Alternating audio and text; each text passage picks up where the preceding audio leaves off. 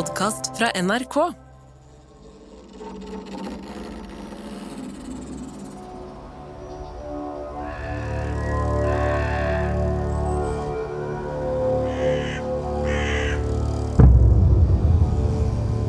Margrete den store daua. Forestill deg begravelsen hennes. Grå, trøstesløs himmel over kirkebakken. Til og med kråkene er trist. Sørgende står rundt kista. Helt forrest står tre morløse barn. Norge, Sverige og Danmark. Danmark er størst. Sverige er ikke mye mindre, og så har du minstebarnet, Norge. Det er en sorgens dag. Margrete, hun var så god ei mor for alle tre. Streng, men rettferdig. Det var ikke at hun ikke satte krav, for det gjorde hun. Men hun så hver og en av dem, til og med lille Norge. Og alle tre er lei seg, men mest lei seg er minstebarnet. Norge hulker og gråter. Det er nesten så lille Norge holder på å knekke sammen. Storesøsknene tar omkring henne. Kjære lille vennen, det skal gå bra, sjø. Vi har jo hverandre. Og vi skal passe på deg, vi, sjø. Vi skal alltid holde sammen. Lover dere? snufser lille Norge. Sikkert. Vi lover, sier Danmark og Sverige. Og fortvil ikke. Sjøl om mamma er død, så har vi fått oss en onkel som skal passe på oss nå. Og onkel Erik, han er kjempesnill.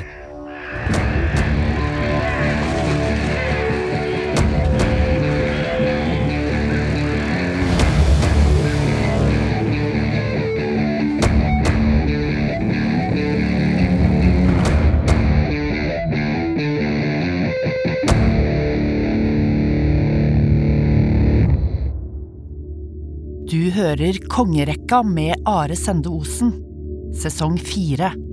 En podkastserie om de norske kongene. Episode to. Flere konger, mere søl. Og en sjørøver.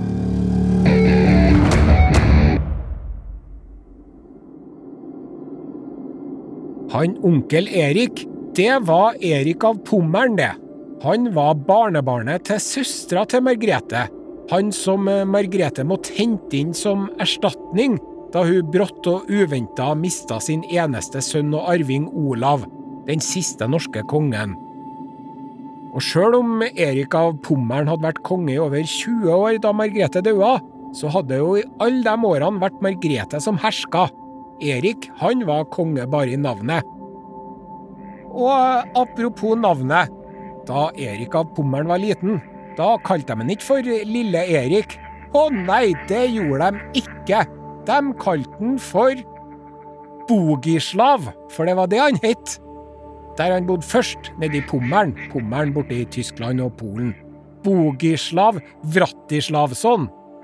Og det var vel et vanlig navn nedi Pommelen den gangen, hva vet jeg? Men det sier seg jo sjøl at hvis du heter Bogislav Vratislavsson, da kan du fortsatt den dag i dag skyte ei hvit pil etter å få deg hybel eller jobb i Norge, og konge, det blir du nå ikke. Kan ikke bli konge av Norge hvis du heter Bogislav. Ikke konge av Danmark eller Sverige heller. Og sånn var det på slutten av 1300-tallet også. Så Margrethe satt sammen med rådgiverne sine, og de klødde seg i hodet. Hm, hva skal vi kalle gutten? For Bogislav? Det funker nå ikke. Jeg veit det, var det en som sa. Hva med Erik? Ja, for fenn, var det en danske som sa. Vi har skulle hatt seks konger. Det har hett Erik allerede. Så den er skulle knullegod. Ha-ha, sa en svensk adelsmann. Har ni bare hatt seks konger med navnet Erik? Vi har hatt elleve, nei, vent da, tolv. Enn ni, Nordbagar, hva tykker ni om Erik som kongenavn? Tja, vi har nå ikke hatt tolv og ikke seks heller, og vi bruker nå å kalle dem Eirik, vi da, og ikke Erik. Men I farta så kan vi nå komme på både Eirik Prestehater og Eirik Blodøks, var det en som sa. Så helt uaktuelt er det ikke. Og så ble det sånn. Bogislav Vratislavsson sendte inn en søknad til Folkeregisteret om å få skifte navn, og så ble det litt om og men og fram og tilbake siden Folkeregisteret ikke var oppfunnet ennå, men til slutt så ble det godkjent. Margrethe hun gjorde det vel sjøl. Og Erik ble konge av Norge, og Danmark og Sverige. Og siden han var fra Pommern, så kalte de han Erik av Pommern.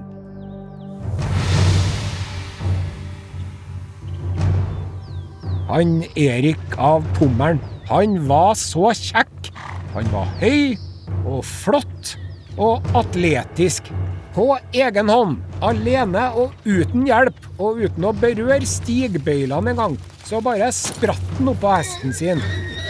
Han hadde rødgult hår, rødmussa ansikt og lang, smal hals. Altså, når jeg sier rødgult hår, rødmussa ansikt og lang, smal hals, så høres ikke det så utrolig vakkert og sexy ut. Det skal jeg innrømme. Men den lange halsen, det tror ikke jeg skal tolkes som at den så ut som en sjiraff, nei. Det bildet må du bare glemme med en gang. Det betyr sikkert at den var slank og deilig og ikke hadde fleskete hals med masse dobbelthaker. Og rødmussa ansikt, det betyr ikke at den hadde eksem eller utslett eller sprengte blodkar. Det betydde helt sikkert at han hadde en frisk og fin teint og glød i ansiktet, og at han ikke var bleik og slapp og blodfattig og anemisk. Han kong Erik av Pommern, han var rett og slett utrolig heit. Han var så heit at én ting var nå at keiserinna av det tysk-romerske riket drev og lengta etter den og drømte om den. En annen ting var at paven meddrev og skrev om hvor skjønt legeme han hadde. Også paven hadde fått med seg at en kong Eirik bare spratt opp på hesten sin. Jeg syns det sier sitt når paven kommenterer hvor sexy og atletisk og kjekk du er. Men dere katolske kirka de er nå en kinky gjeng den dag i dag. I Hvert fall Erik av Pommern. Dameagn. Dameagn, sier jeg. Og i tillegg, ikke noe gudsord fra landet heller. No sir. Han skjønte og forsto hoffetikette og visste hvordan man skulle oppføre seg. Han hadde jo blitt eh, godt oppdratt og opplært av fostermor si. Godt gift var han òg. Erik gifta seg med dattera til den engelske kongen. Da var Erik 24, og hun, brura, var 11. Prinsesse Filippa heta hun, da. Om bryllupet mellom Erik og Filippa er det to ting å si. Den første tingen er at de gifta seg to ganger, gjorde de. Først via stedfortreder. Ja, det stemmer. Da brura gikk oppover kirkegulvet i Westminster Abbey i London under vielsen, da var ikke brudgommen Erik som sto der. Han var hjemme i Danmark. Så da var det en svenske, en svensk adelsmann, som høyt og tidlig ventelig sa I do, som en slags stand-in for kong Erik. Det var faktisk ikke helt uvanlig blant kongelige på den tida, dere for å få formalitetene i orden og avtalene spikra. Og så gifta de seg en gang til året etter, fysisk til stede begge to, i Danmark. Da var hun dronning Filippa kledd i hvitt. Helt hvitt. Det er den andre tingen. Filippa var hvit brud. Hun var Kanskje, antageligvis, sikkert, i hvert fall som man vet, den første hvite bruden. På våre kanter, i hvert fall. Det må jo kunne kalles en trend som kom for å bli. Da kong Erik og dronning Filippa hadde vært gift i nesten 25 år, fikk de sitt første barn. De var mye fra hverandre, Erik og Filippa Sjø. Han var mye på farten, mye jobbreiser. Da var det Filippa som var stedfortrederen hans. Hun styrte imens. I hvert fall så fikk de en sønn, som var dødfødt. Og så, rett etter, daua Filippa òg. Da ble den Erik sikkert trist. Men eh, ikke tristere enn at han ganske kjapt ble sammen med ene hoffdama til den døde dronninga si. Men han hadde altså ingen arving.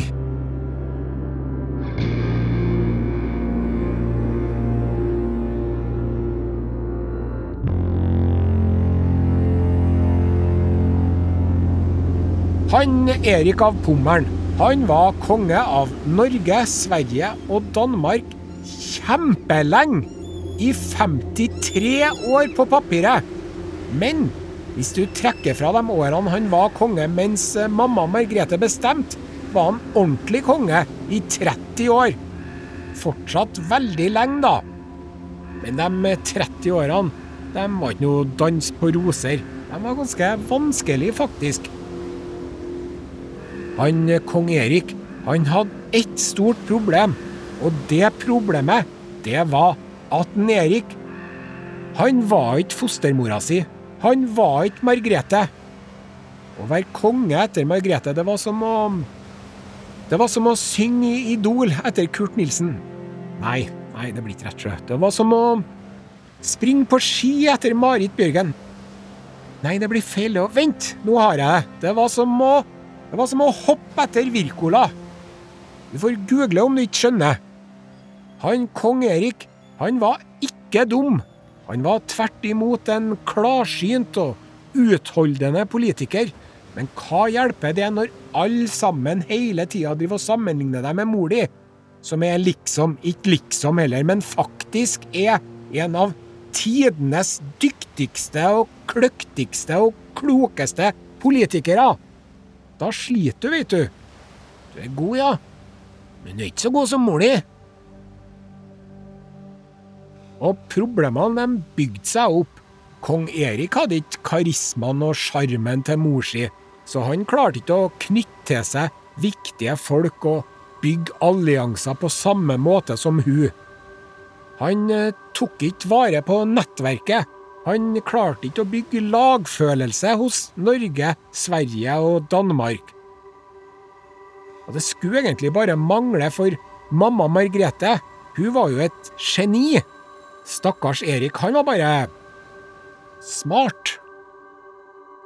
Og så gjorde han en del ting som ikke var så smart, da. Han besøkte aldri Norge, for eksempel. Jo, én gang. Han Erik av Pommern, han var i Norge én gang. Så det de sa i begravelsen, i starten, Sverige og Danmark, at en onkel Erik skulle ta seg av oss, og at han var så grei, det var nå en sannhet med modifikasjoner. Norge hadde fått en konge som ikke brydde seg særlig mye om oss, og som var mye på ferie. Han var på lange, dyre reiser nedi Europa, Ungarn og Italia og hele veien ned til Jerusalem. Og hvem var det som betalte for de turene der? Det var vi, det. Det var mye høye skatter som hardhendte danske futer og fogder krevde inn fra bøndene. Fut og fogd er jo samme greia, men uansett var ikke noe artig i det hele tatt. Istedenfor å få Norge og Sverige til å føle seg lojal til unionen, fikk eh, kong Erik dem til å føle seg som noen som bare måtte betale mer og mer skatt. Kongen hadde selvfølgelig noen andre inntekter òg. Skal jeg fortelle om en av inntektene hans? Vet du hva han kong Erik innførte? Han innførte Øresundstollen. Øresund, sant? Det er der havet mellom Sverige og Danmark er smalest. Og alle skipene som skal fra Østersjøen og ut i Nordsjøen, eller fra Nordsjøen og inn i Østersjøen, de må forbi Øresund. Dette var en kjempeviktig handelsvei. Og han kong Erik, da, han bestemte det, at alle skipene som skal forbi, de må betale en viss prosent av verdien av lasta til meg, kongen. Hvordan regna de ut det, da? Jo, det var faktisk ganske genialt. Skipperen på skuta måtte si hvor mye lasta var verdt.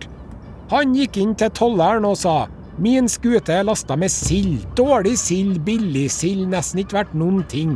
Ti mark. Da kunne tolleren si Ti mark? Gjeskla billig, må jeg si, for en hel skipslast med sild. Den kjøper vi. For tolleren kunne, på vegne av kongen, kjøpe lasta til den verdien skipperen oppga. Sånn var loven. Skjønner? På den måten unngikk du for det meste at lurendreiere lurte seg unna tollen ved å si at lasta var mindre verdt enn den faktisk var. Hørte at jeg sa lurendreier nå?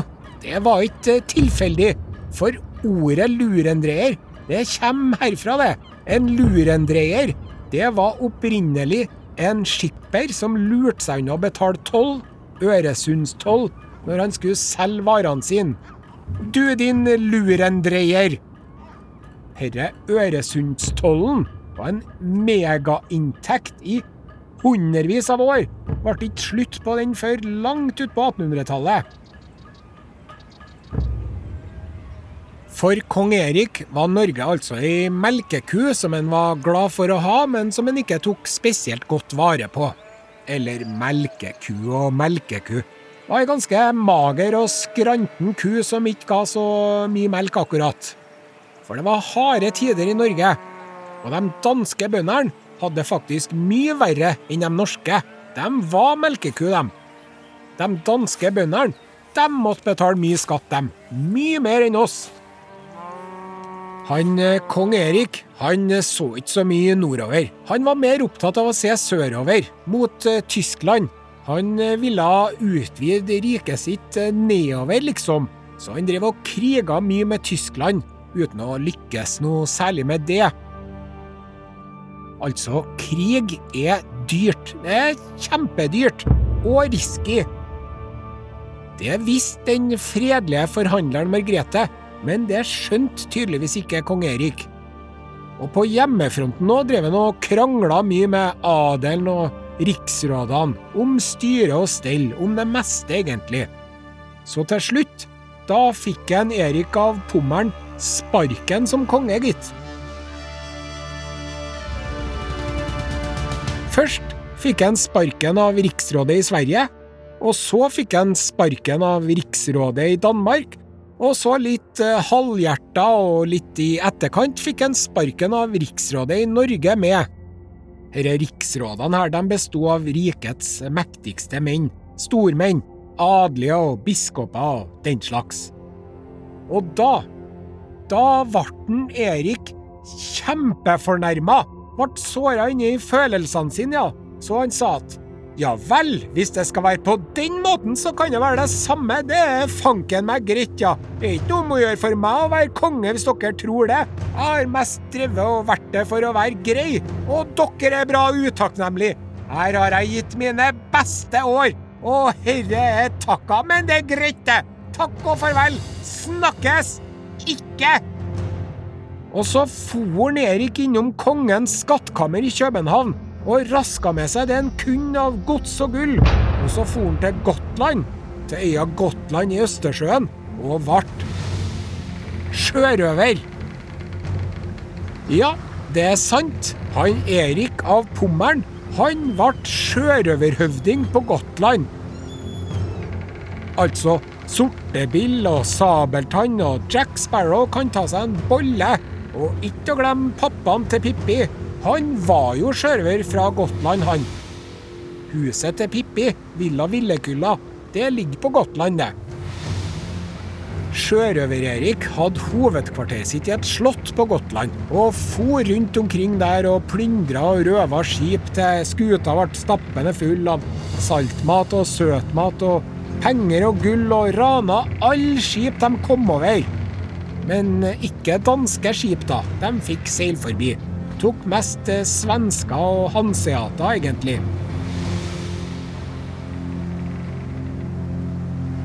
Men da kongen ble pirat, ble det en stilling ledig, så nå drev riksrådene i Sverige og Danmark og Norge òg, for så vidt, men mest Danmark og Sverige.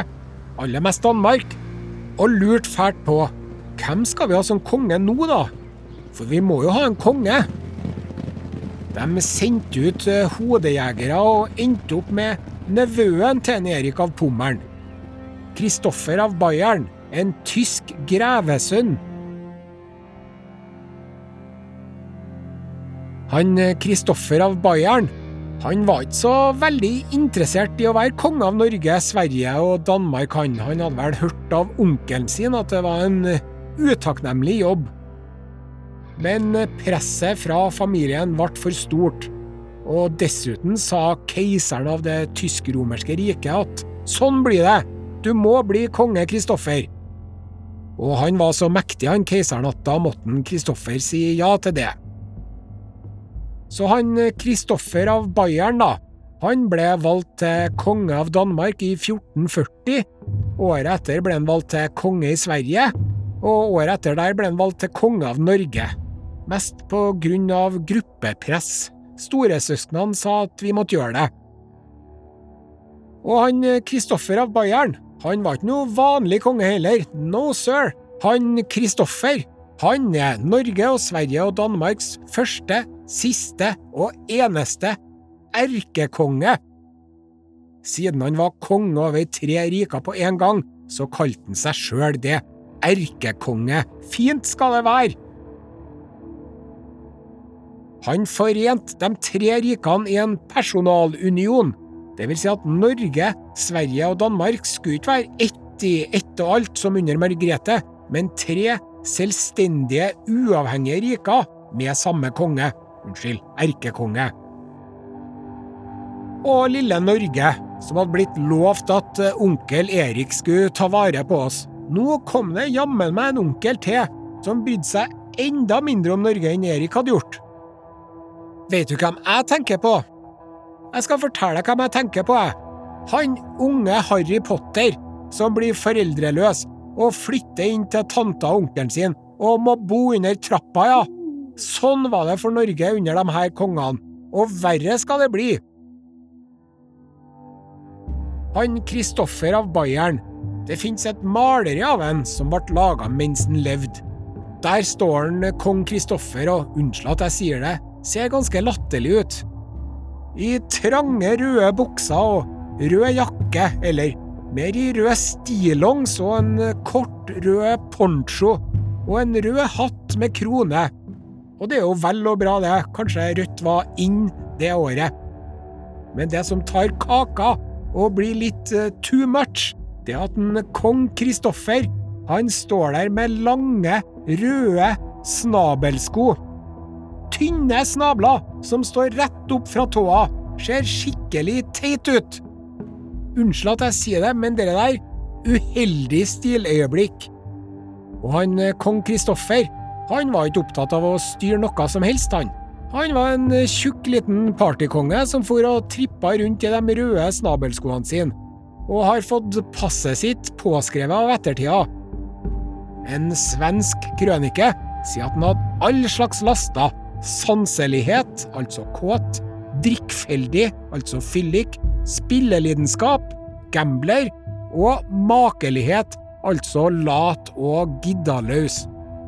Norske historikere har kalt den en liten sydtysk junker, og min favoritt en tykk, nytelsessyk liten herre som tenkte mer på kjødets lyst enn på sitt arbeid. Her vil jeg gjerne få legge til at noen av mine beste venner er tykke, nytelsessyke små herrer som tenker mer på kjødets lyst enn på sitt arbeid. Det galt det òg nå, da? Det var ikke så lett for kong Kristoffer heller, da. Mange som var misfornøyd med han. Bøndene gjorde opprør, og mange svensker ville stadig ut av unionen. Han var skvisa mellom adelen og Hansa-forbundet, den mektige tyske handelsorganisasjonen. Hvis Hansa-forbundet sa at kong Kristoffer måtte gjøre noe, da gjorde han det. Bortsett fra Nå skal du få høre.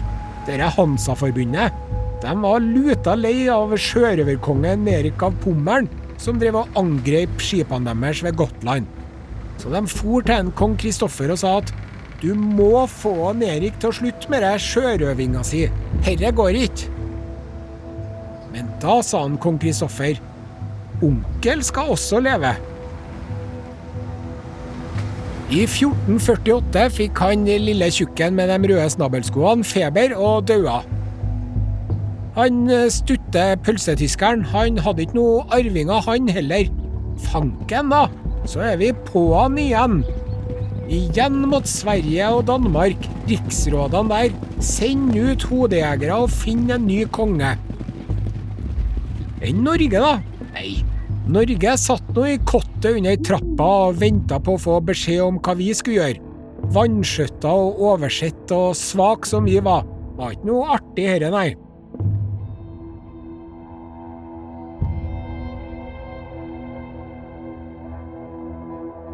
Så det som skjedde, da, det var at svenskene de valgte en konge til seg. En svenske. Carl. Carl Knutson Bonde.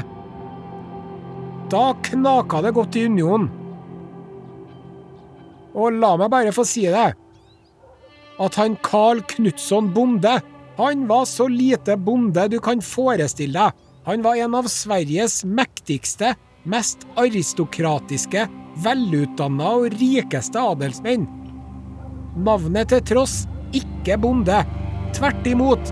Kong Karl Bonde han hata bønder, gjorde han, og brukte å drepe dem. Noen år før hadde Karl slått hardt ned på et svensk bondeopprør.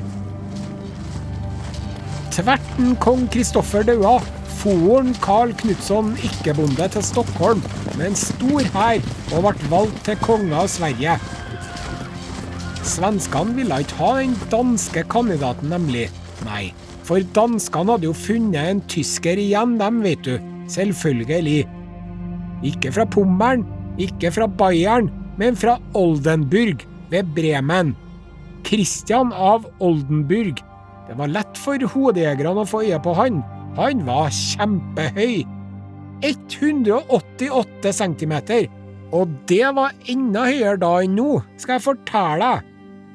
Og han var sånn riddertype. da, Kraftig, dyktig og tapper i felt og greier.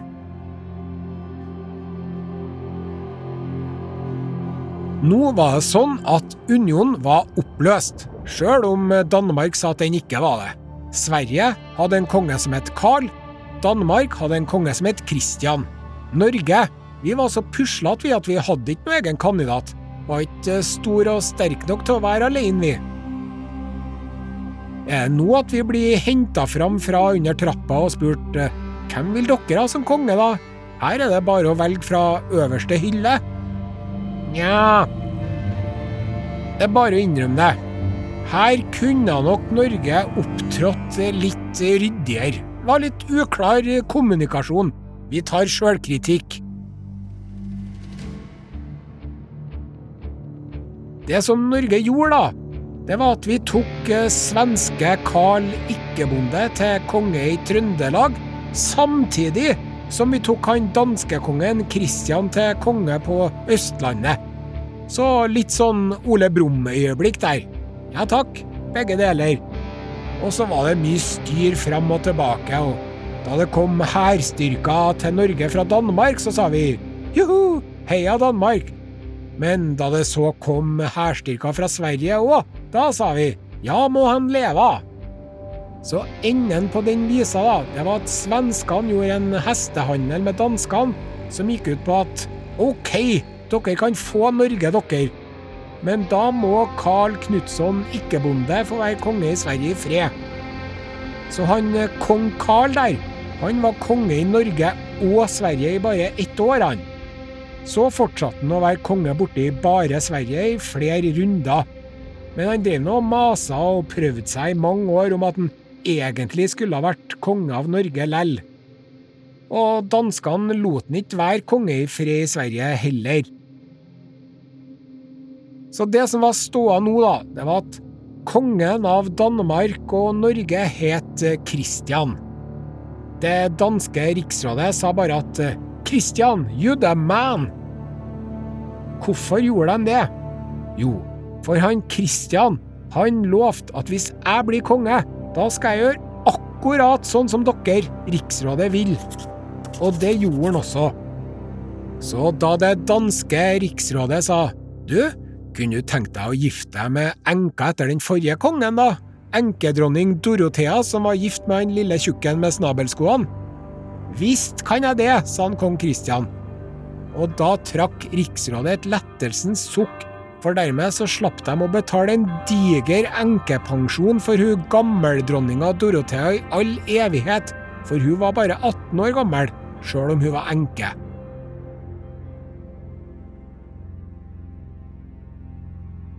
Det som en kong Kristian var opptatt av, det var å fikse unionen igjen, og herske over alle tre rikene, Norge, Danmark og Sverige. Norge og Danmark, det var nå greit, men Sverige, det var en stein i skoa, altså. Han hadde helt vanlige sko, han Kristian, da, uten snabel. Sverige hadde jo som kjent sin egen konge, dem, Carl Knutson Ikke-bonde. Og det var egentlig ikke det at Sverige ikke ville være med i noen union, men hvis de skulle være det, så skulle de bestemme. Og de skulle ha sin konge som unionskonge, ikke noe gjeskla tysker. Svenskene var uregjerlige og sjølstendige og krigersk. Han Carl Knutson, Ikke-bonde, han invaderte Gotland. Og piraten av Pommern, han Erik, han var fortsatt på Gotland og sjørøva. Det var svenskene så luta lei av. Derfor skulle de ta Gotland en gang for alle. Og Erik av Pommern, han sa til danskene 'Hjelp meg!' Og da sendte kong Kristian en stor dansk hær til Gotland, og svenskene trakk seg tilbake. Og det gjorde Erik av Pommern òg, eller han ble jaga av svenskene. Erik sa OK, nå pensjonerer jeg meg. Hadde passa veldig bra, men sa det i hvert fall. Han Erik var faktisk 67 år gammel da, så han sa takk for meg, nå drar jeg hjem. Og det gjorde han. Erik av Pommern for hjem til Pommern, og der levde han godt og tok det kulig i ti år til, ja. Før han døde, 77 år gammel. Vel blåst, Bogislav. Jeg mener Erik.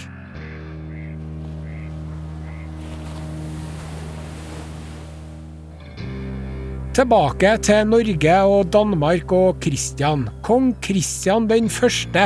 Skal komme flere av dem, for å si det sånn. Og det som var greia med en kong Kristian Han Kristian, han var blakk ifra start, han. I tillegg eide han ikke økonomisk sans i det hele tatt. Da sliter du. Kristian brukte penger vilt og hemningsløst på krig og pomp og prakt og på dyre reiser til utlandet. Svenskene kalte den for en bottenløs tomtaska. Så han lånte penger. Fra hvem da? Fra Hansa-forbundet, selvfølgelig. Og når du har en kjempegjeld til Hansa-forbundet, da må du gjøre som Hansa-forbundet sier. Så sjøl om en i utgangspunktet ville begrense Hansaen sin makt i f.eks. Bergen, så enten med å utvide makta deres, på bekostning av bl.a. bergenserne. Helsikes Kristian, udugelige onkel nummer Hvilket nummer er han, skal vi se? Onkel nummer én, Erika Pommern. Onkel nummer to, Kristoffer av Bayern. Onkel nummer tre, Carl Knutson Ikke-bonde. Kristian er den fjerde udugelige onkelen på rekke og rad. En ubrukelig onkel som ikke bryr seg særlig om Norge, han heller. Det en kong Kristian brydde seg om, det var å få has på Sverige. Og han greide faktisk å få Kalmarunionen på beina igjen i noen år, og regjere over Sverige også. Men så ga svenskene han sparken og ansatte Karl Ikke-bonde igjen.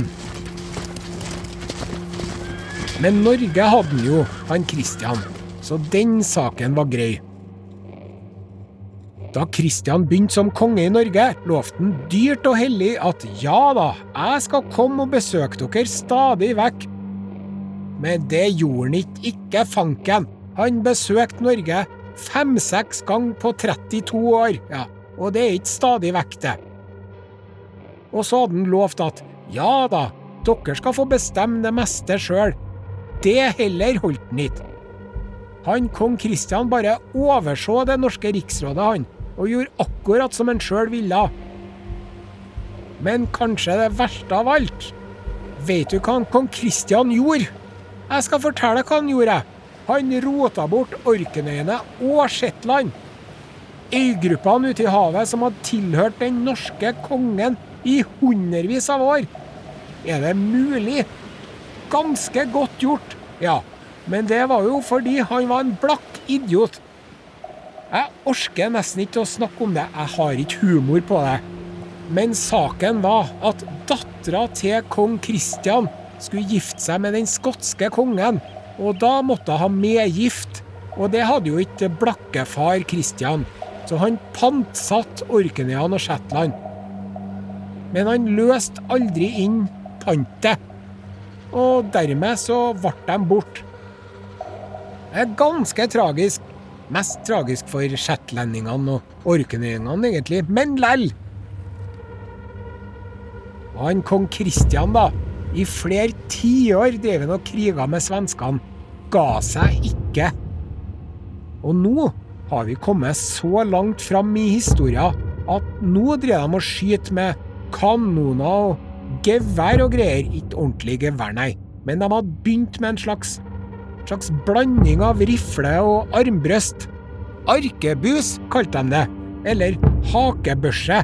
En slags eh, håndholdt kanon. Når du skjøt med arkebus, da sa det pang! Og så sa han som skjøt, han sa au! For det var en forferdelig rekyl på de våpnene der. Det var derfor det var en hake på hakebørsa.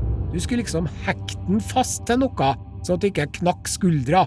Men lell, så var det litt av en trøkk, så han sa au, han som skjøt med arkebusen. Men det var en annen som sa au òg, en gang svenskene fyrte av arkebusene sine. Og det var han kong Kristian. Han kong Kristian, han sa au, jeg er toffe, jeg er toffe. For da hadde han blitt skutt i ansiktet, mista noen tenner gjorde han òg. Og da trakk han seg tilbake. Men overlevde. Godt gjort, egentlig. Men nå ble det endelig litt mindre fokus på Sverige, Sverige, Sverige. Fanken meg på tide. Han eh, kong Kristian, ikke noe norgesvenn, og ikke noe interessert onkel, men én ting skal han kong Kristian ha. For første gang på lenge så har Norge og Danmark en konge som har klart å lage en arving. Kong Kristian og dronning Dorothea, hun dronninga han arva etter han lille tjukken med snabelskoene, de fikk fem unger, gjorde de. Eldstemann, den førstefødte, han fikk navnet Olav. Men vi veit da hvordan det pleide å gå med kongssønner som het Olav. Tronarvingen daua før han var året gammel. Men de hadde flere sønner, og den nest eldste, han het for Hans. Endelig skal det nå bli litt orden på denne kongerekka nå, kanskje, nå som kongen endelig har en arving. Ble Hans automatisk valgt til konge da han kong Kristian døde, eller? Man skulle jo tro det. Men riksrådene, de var skeptiske til en Hans, alle sammen. Så det var mye styr og fram og tilbake, og fra pappa Kristian daua til han ble konge i Norge, tok det to år. Og han måtte gi alle de her riksrådene stor makt før han fikk bli kong Hans. Kong Hans den første og siste og eneste. Og han kong Hans, det er bare mer av det samme. Han Hans. Han krangler med Hansan og krangler med adel og kriger med Sverige og vinner over Sverige og blir konge av Sverige og driver og styre og rote og lide nederlag nede i Tyskland og får opprør i Sverige, og herregud, er det aldri fred. Og hva mer gjør han Hans? Han Hans, han plages med uro i Norge òg. Det er masse uro i Norge. Norske bønder klager og bærer seg. Dette minstebarnet som har bodd under trappa alle de her årene, som kongene har stelt lite med i snart 100 år, nå har den ungen kommet i trassalderen og er lei av å alltid komme i siste rekke. Norge er lei. Lei av å betale så mye skatt. Lei av kjipe danske fogder. Det går ikke så aller verst med landet. Økonomien og næringslivet rusler og går framover. Men Norge vil bli sett og anerkjent. Eller Riksrådet, i hvert fall. da. Riksrådet vil ha aksept og respekt og oppmerksomhet. Trassen topper seg. Norske stormenn konspirerer med svenskene. Norske bønder gjør opprør. Norge gjør opprør. Han kong Hans, han er ikke noe interessert i det. Så kong Hans, han sier følgende Norge, hvis dere ikke roer dere ned nå, så sender jeg sønnen min. Og han, han er mye sintere enn meg.